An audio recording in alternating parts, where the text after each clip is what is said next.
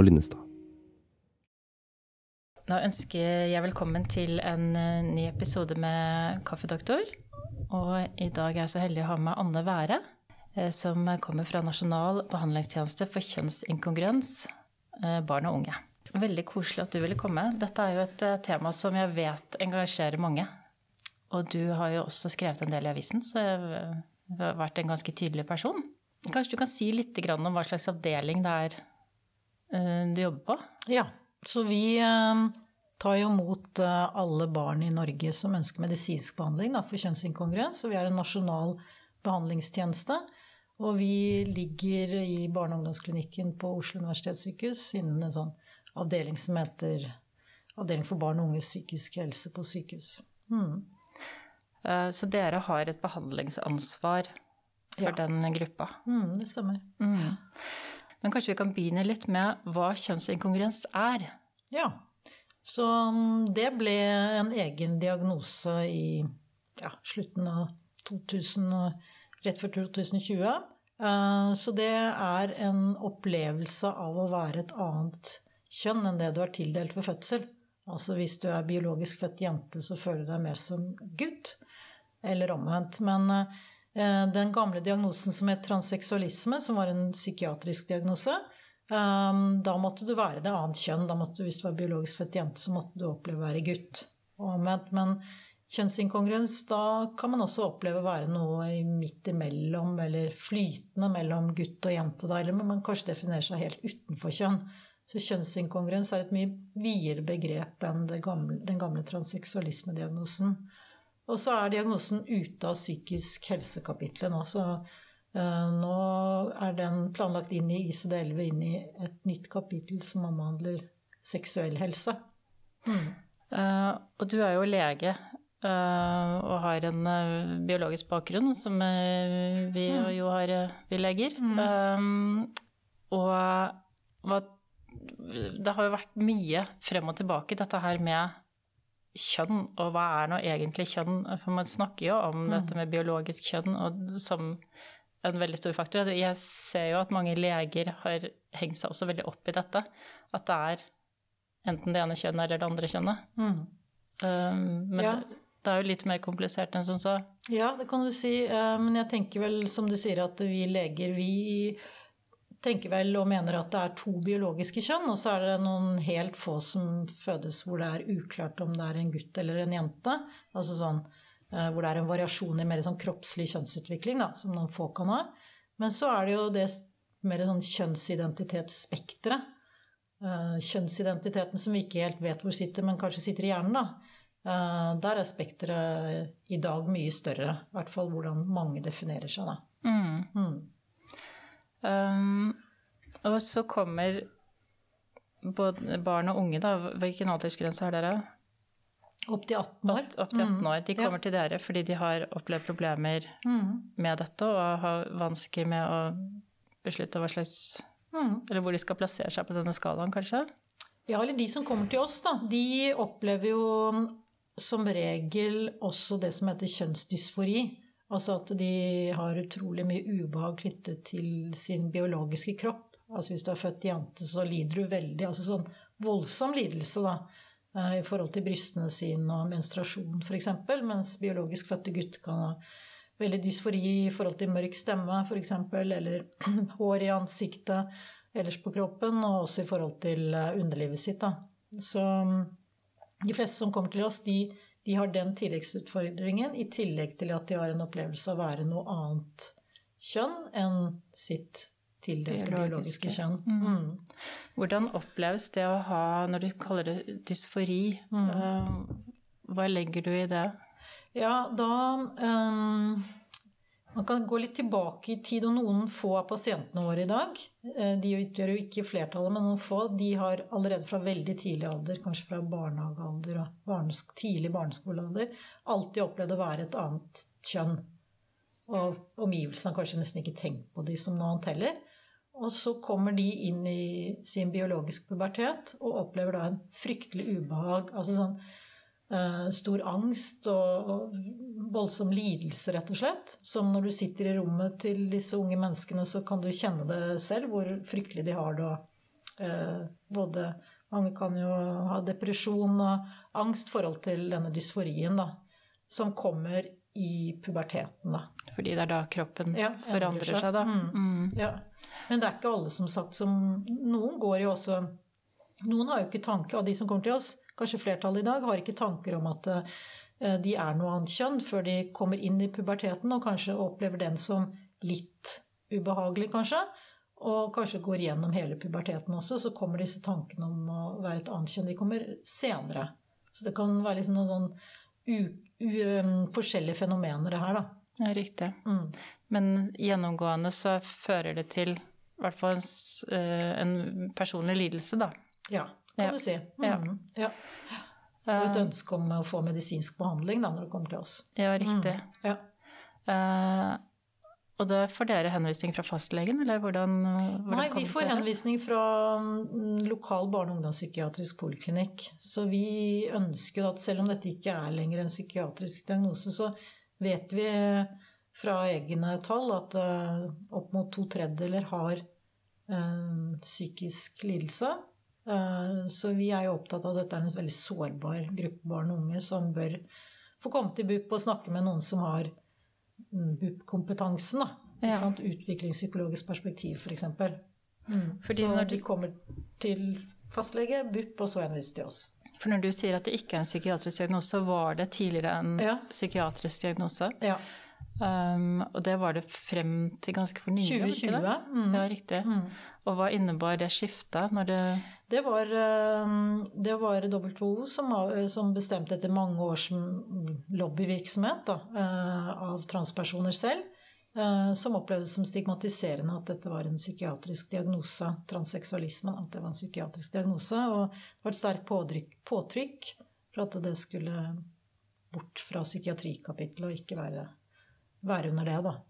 Eh, Man kan jo si at eh, det, har jo, det var en, en sterk utvikling altså, som kom liksom parallelt med denne økningen som har vært de siste årene, med, hvor det har blitt mer og mer fokus på en, en rettighet, da, mer en rettighetskamp i forhold til å få behandling for kjønnsinkongruens. Eh, kanskje mer enn enn som man ser, er opptatt av medisin ellers, hvor man ser på evidens for behandling. Mm. Mm. Samtidig så kan man jo strekke noen paralleller til eh, det med homofili, som også var en diagnose Ja. eh, tidligere. Mm. Um, og hvor det tok ganske lang tid før vi Mm. skjønte at det kanskje ikke hørte innunder uh, de kategoriene vi hadde Ja. plassert det i. Mm. Eh, og det har vel også vært noe av uh, argumentasjonen i denne Mm. Ja, stemmer det. Mm. kampen, holdt jeg på å si. Ja. Så det er en forståelig minoritetskamp som har foregått da de siste ti årene. Samtidig så er det jo viktig det du sier, at det er en gruppe som kanskje har slitt med andre ting i utgangspunktet. Hva tenker du om det at du man finner såpass høy andel av psykiske lidelser da, i den gruppa? Um, Hva er høna og egg, holdt jeg på å si? ja, hva er høna og egg, og det diskuteres jo veldig.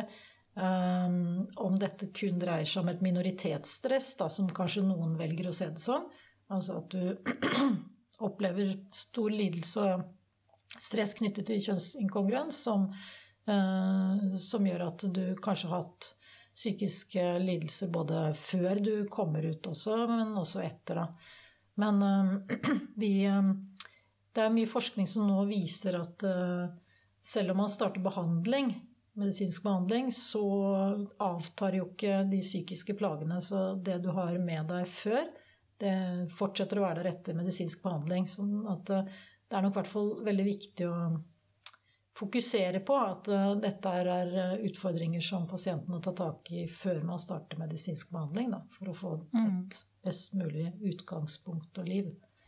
Sånn sett så kan du si at det ikke er så dumt med en uh, vurdering, psykiatrisk vurdering i tillegg. Mm. Uh, men da, jeg, jeg skjønner jo også det at selv om du selv om du på en måte får medhold i å gjøre noe med det, uh, og at uh, helsevesenet er enig i det, så er det jo utfordringer knyttet Du vil fortsatt være en minoritet, da. Mm. Så minorit- minoritetsstress vil jo også Mm. på en måte fortsatt spille en rolle Mm. senere, vil jeg anta. Ja, det gjør det. Og uansett, i hvert fall så er det, er det krevende å som ung voksen å komme ut på arbeidsmarkedet og da tilhøre det annet kjønn hvis du har startet behandling, og så eh, jobber du sammen med og forsøker å oppnå et nettverk med da det nye kjønnet ditt, og så er, det mange som beskriver at det er veldig krevende, da. Mm. Du har ikke den erfaringen med deg gjennom hele livet, sånn som de andre har, da. Nei. Mm.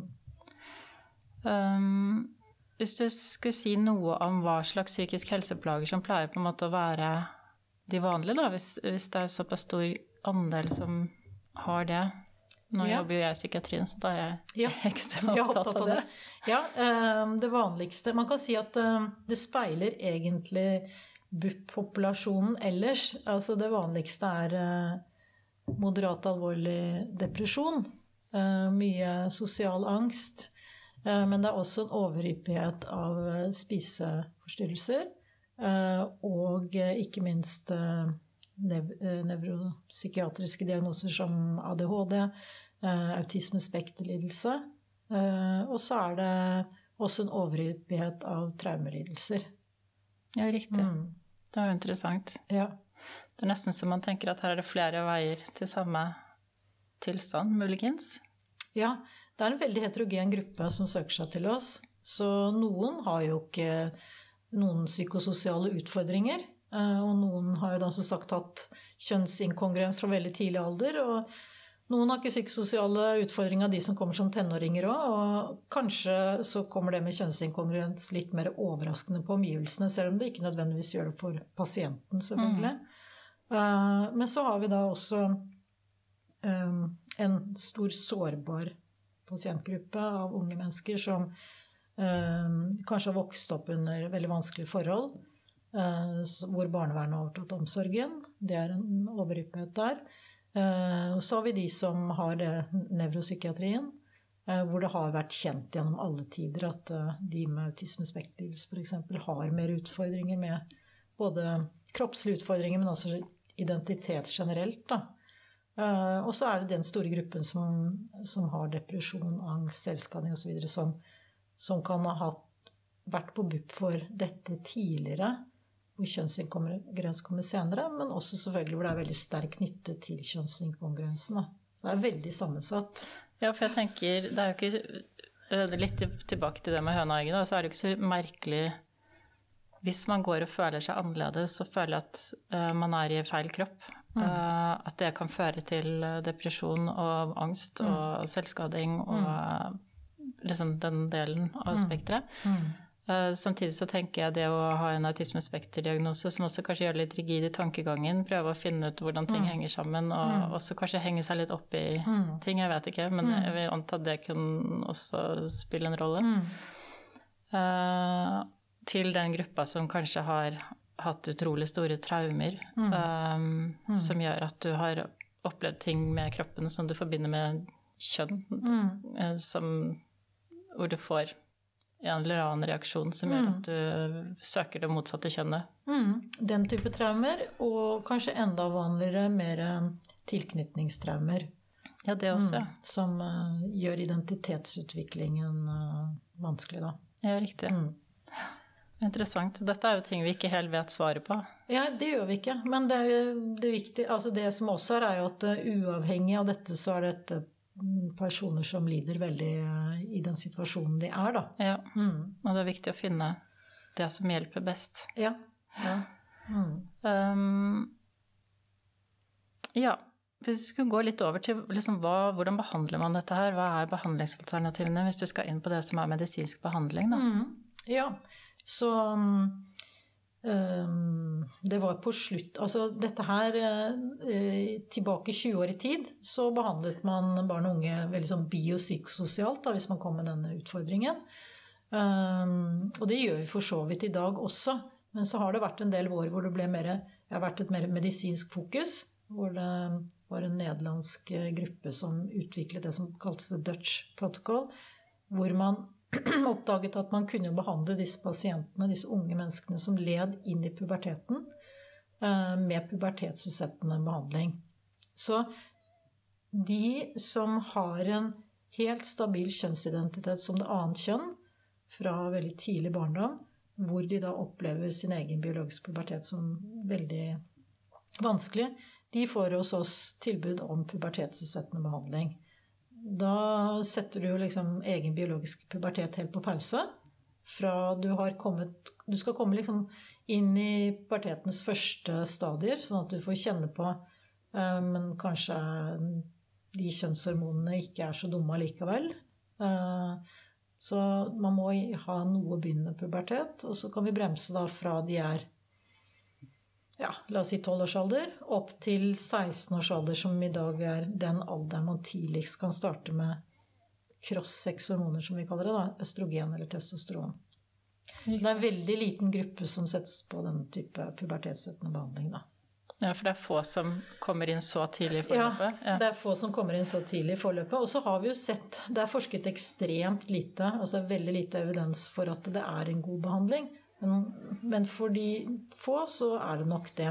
Men igjen Tenker så beveger vi oss liksom Er vi jo hele tiden i et terreng hvor man har lav til veldig lav evidens for behandling, eh, som gjør det vanskelig for oss. Mm. Men vår kliniske erfaring var at vi startet opp med dette i 2015-2016 i Norge.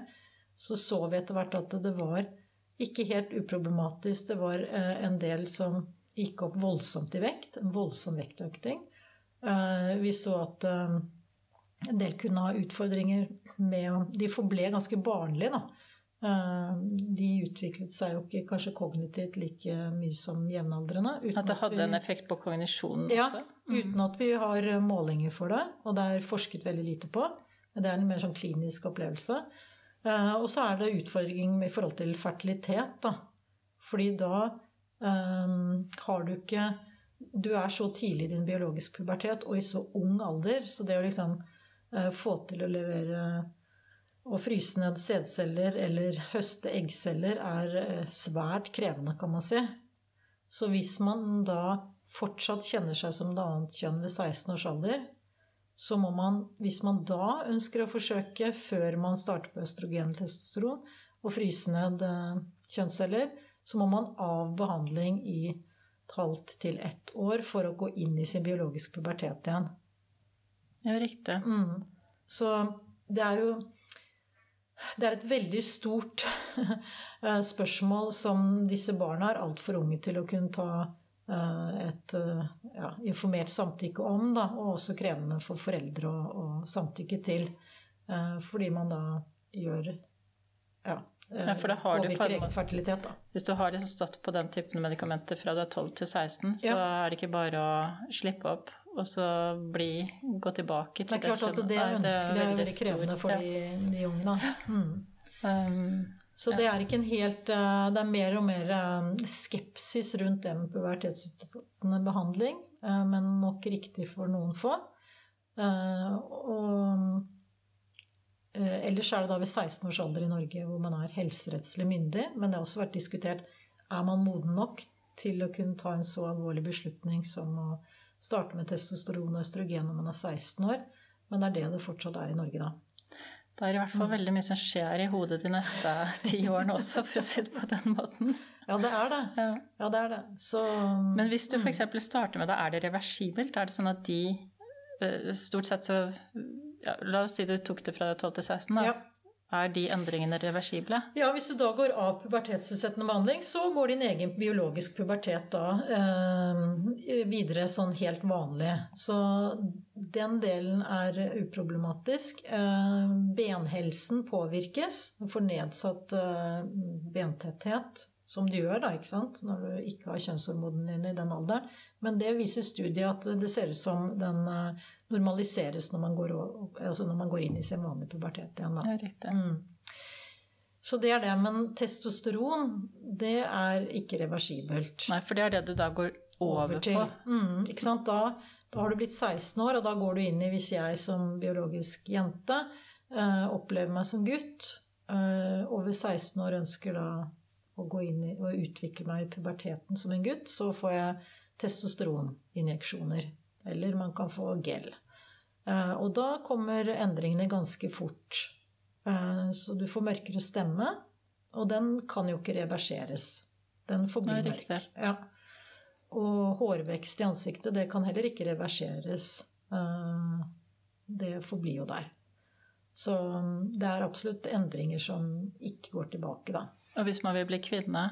Hvis man blir kvinne og er biologisk gutt, så um, vil østrogenene gjøre at du utvikler bryster i ulik grad av hvor store bryster du utvikler, men de forsvinner jo ikke av seg selv. Og så får du en annen fettfordeling. Og så er det denne påvirkningen igjen på uh, fertilitet, da. Um, at uh, er, der er liksom også studiene spriker litt. Men det, man kan vel si ganske sikkert at østrogen på, altså nedsetter fertilitet for hos, altså sædcellene for dårligere kvalitet. Mens testosteron eh, kan se ut som faktisk ikke har så stor effekt, altså så negativ effekt på eggceller. Men det er også veldig usikre data, da. Mm. Mm.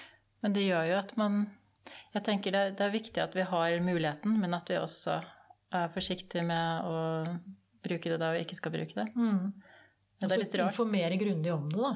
Ja. Det er litt rart, for det er nesten sånn motsatte problemstillinger. For i psykiatrien så er det jo veldig mange pasientorganisasjoner som er opptatt av at vi gir for mye medisin. Vi er for lett, lett på labben, holdt jeg på å si. Ja. Mm. Mens eh, dere har liksom vært kritisert for ja. det motsatte. Men mm i sum så tenker jeg det er noe med medisiner som man skal være mm. varsom med, da. Mm. Uh, uansett ja. uh, i hvilken sammenheng man uh, snakker om. Så mm, ja, og vanligvis så har man nok mer evidens før man begynner med en sånn type behandling enn det man har gjort her, da.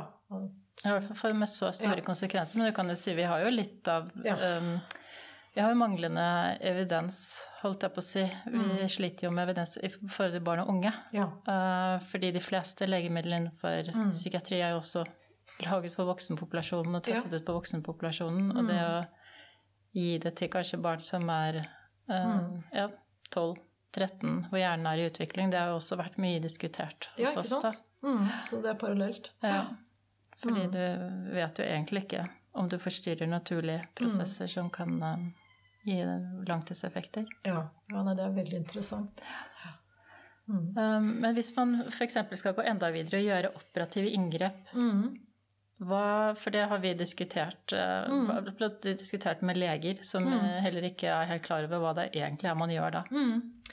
Nei, da må du uansett være over 18 år. De fleste er en del eldre enn det også.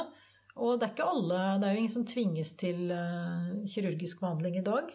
Fram til 2016 så var det jo sånn i Norge at eh, hvis du ønsket å endre juridisk kjønn, så måtte du steriliseres. Og da var det sånn at de fleste eh, transmenn, altså biologisk fødte kvinner, de fjernet eh, eggstokker og livmor. Og biologisk fødte menn, som var transkvinner, som er transkvinner, de måtte fjerne testikler. Det er ganske voldsomt å forlange. Ja. Mm. Hvorfor gjorde sånn vi det? det jeg husker faktisk, når jeg tenker meg om, jeg husker faktisk ikke rasjonalet om det var at Jo, jeg tror det var tanken at man ikke skulle få biologiske barn, faktisk. Men eh, det er jeg litt usikker på. Gir meg, ja. Mm.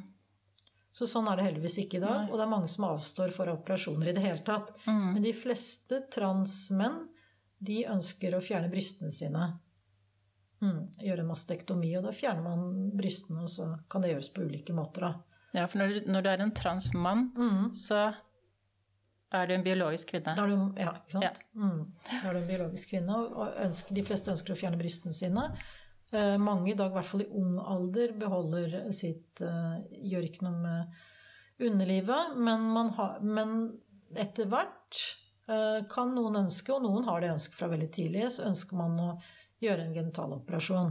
Og, og hva er det man gjør da? Ja, For en trans mann, da, en biologisk født kvinne, så uh, har man to muligheter, så jeg kan forklare det litt enkelt. da. Men hvis du går på testosteron, så vokser klitoris, påvirkes.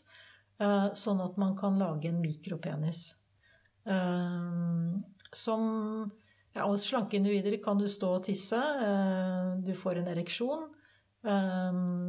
og mange er fornøyd med den Eh, den varianten.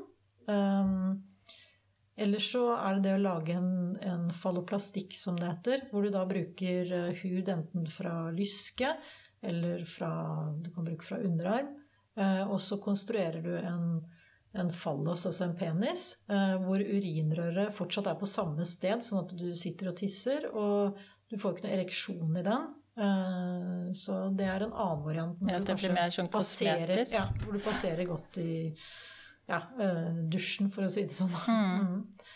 Så det er ikke optimale løsninger for en trans mann, da. Mm. Og for en kvinne, hva gjør man da? Ja, da blir det kan du si, Er det bedre resultater. Altså da um, bruker du Kan du bruke penishud til å konstruere en vagina. Uh, så du får en vagina, og så blir uh, glans, penis, blir brukt til en klitoris. Ja, riktig. Mm, så resultatet ser veldig fint ut, da. Ja, Så sånn kosmetisk så ser det ja, mer ut som Ja, både funksjonelt og ja. kosmetisk ser uh, ut som andre kvinner, da. Ja.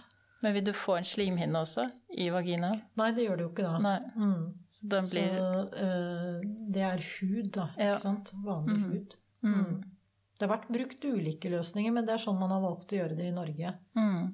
Vet det har også vært forsøk med eh, tarmslimhinne. Mm. Og det er kanskje noe man vil se mer Holdt på å si ja, rent operasjonsteknisk, at Ja. man vil eh, komme videre, med det Ja, det i får vi håpe, da. Ja. Mm.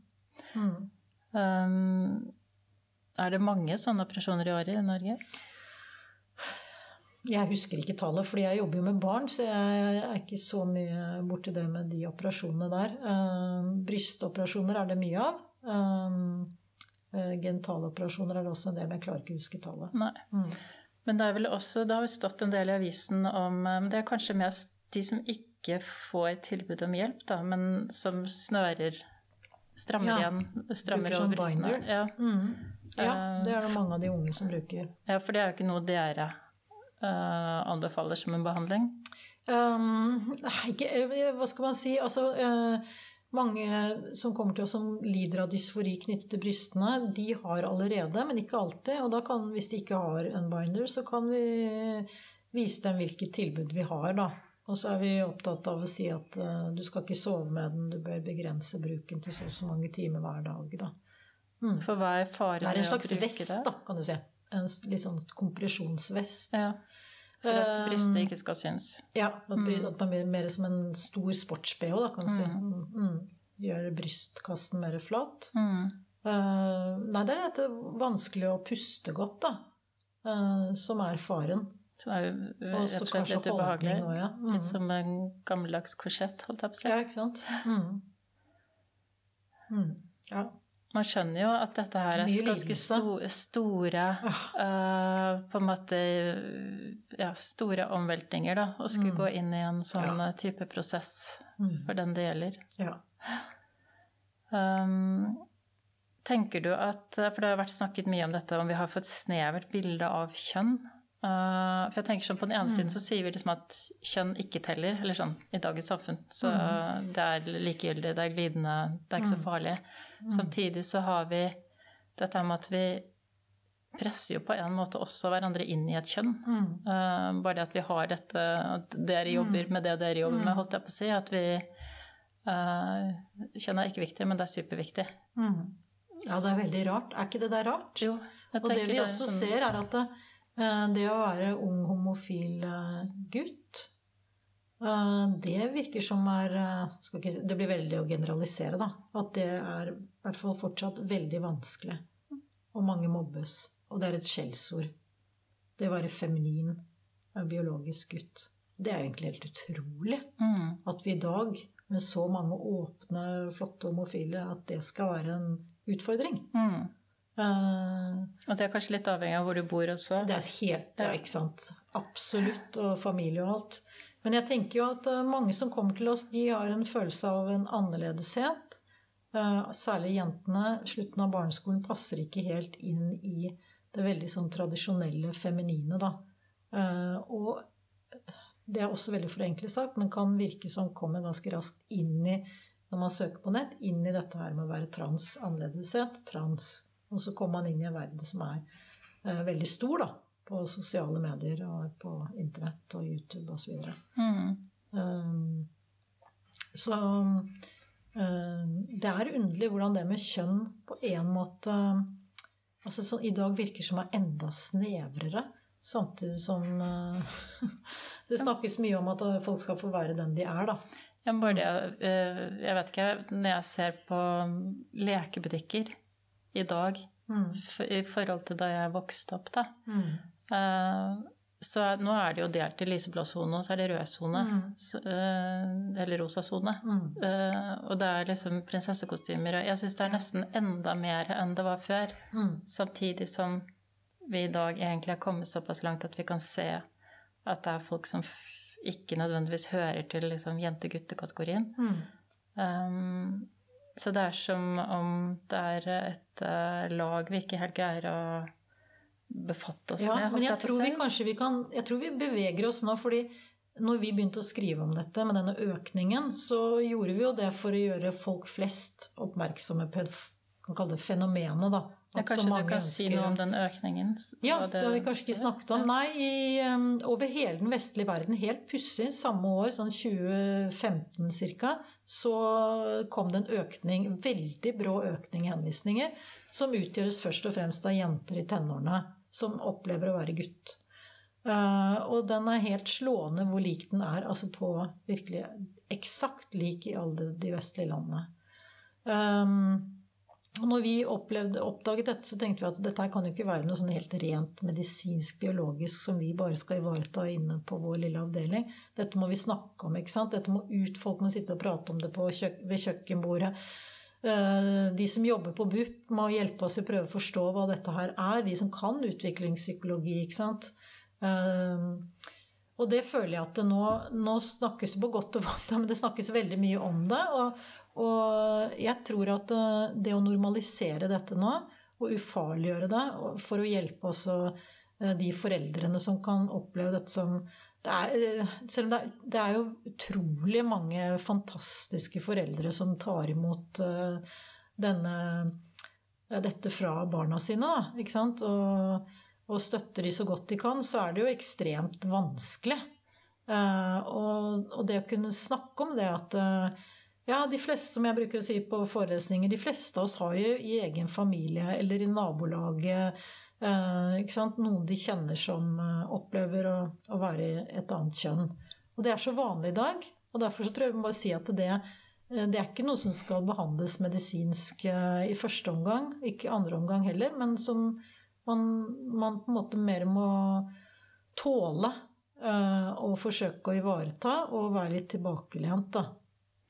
Jeg tenker jo også at hvis vi kunne akseptere det i større grad, så hadde man kanskje ikke hatt så stort Eller en del av Mm. disse ungdommene hadde ikke hatt så stort behov for å gå hele veien.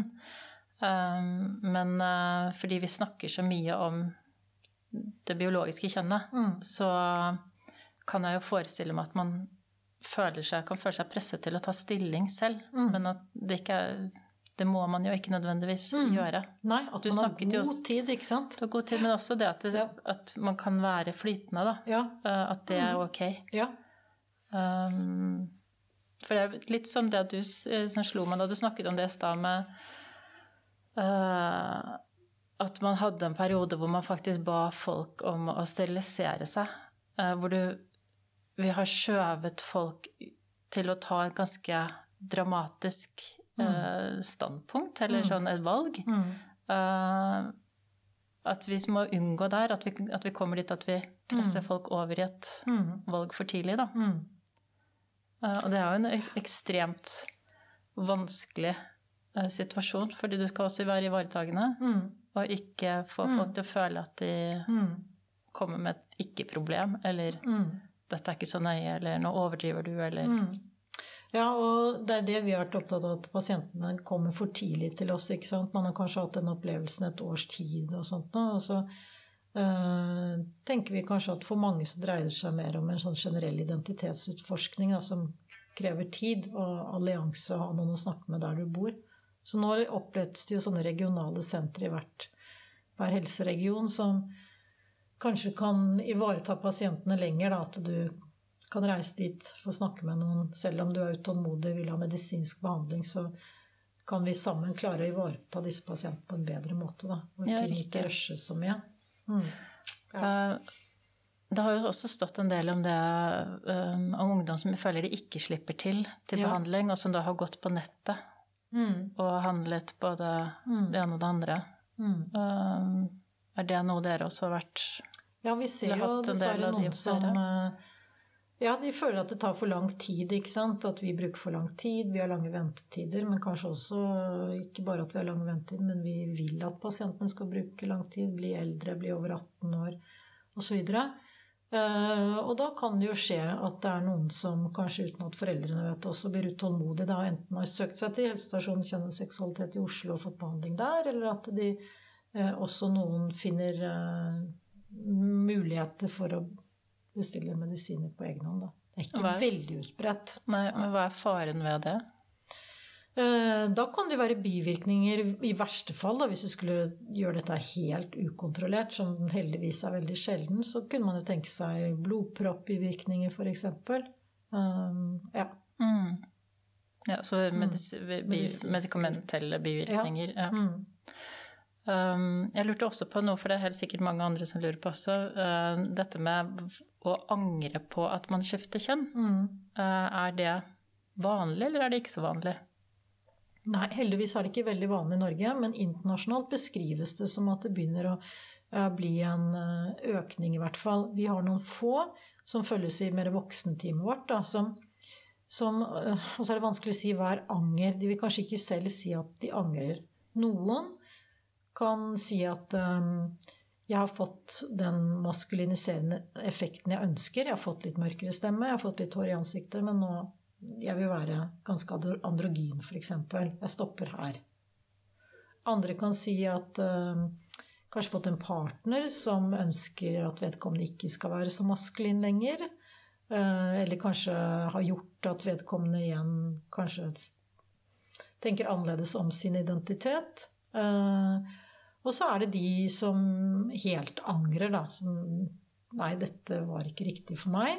Og så er det også de som kanskje ikke angrer, men som finner at det er så vanskelig å leve i det annet kjønn. Så de går tilbake og lever som sitt biologiske kjønn, men allikevel kjenner seg sin identitet som en mann. Da.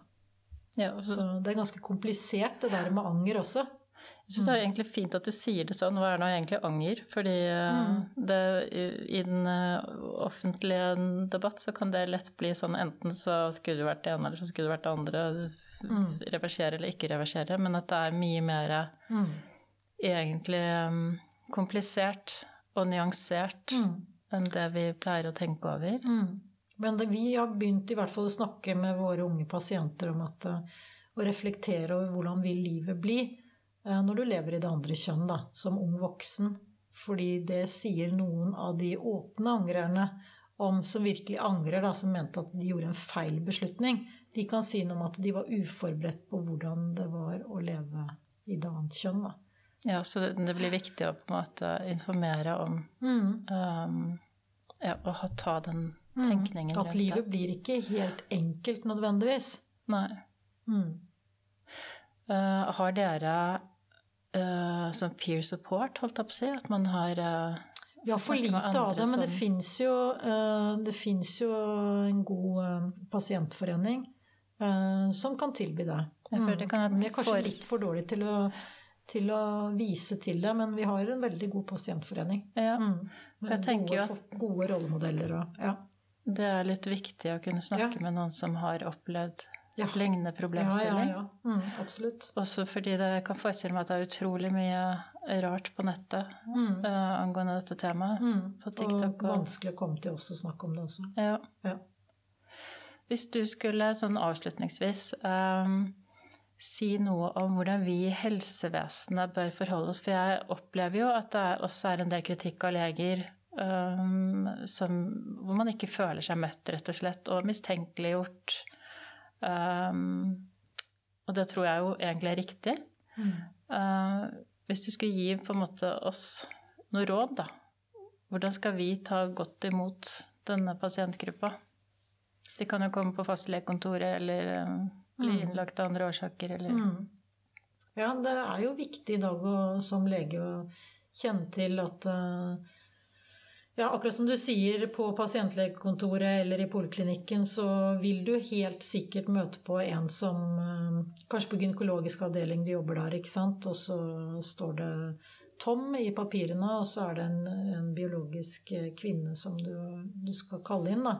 Um, og Nei, det viktige vil bare være å, å, kanskje i utgangspunktet spørre vedkommende hvis, hvis, det er en sånn situasjon hvor vedkommende har eh, byttet kjønn osv., spørre om hvilket uh, pronomen ønsker man å bruke, f.eks. Og mm, ellers hvis det kommer noen på fastlegekontoret som er usikker på sin kjønnsidentitet, så ta det på alvor og uh, anerkjenn og uh, ja Vise interesse. Vise interesse, ja. Og, mm.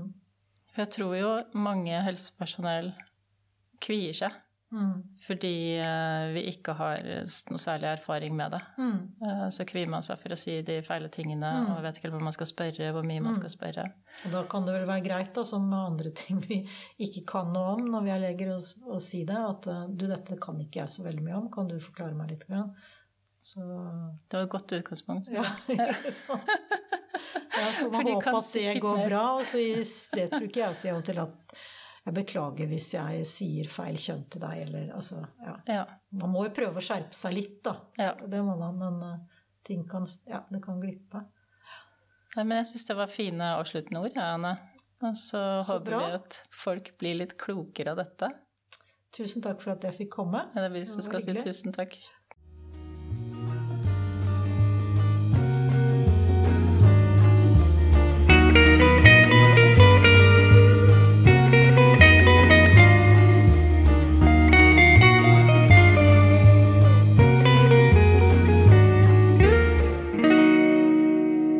Kaffedoktor med Rom og Linnestad.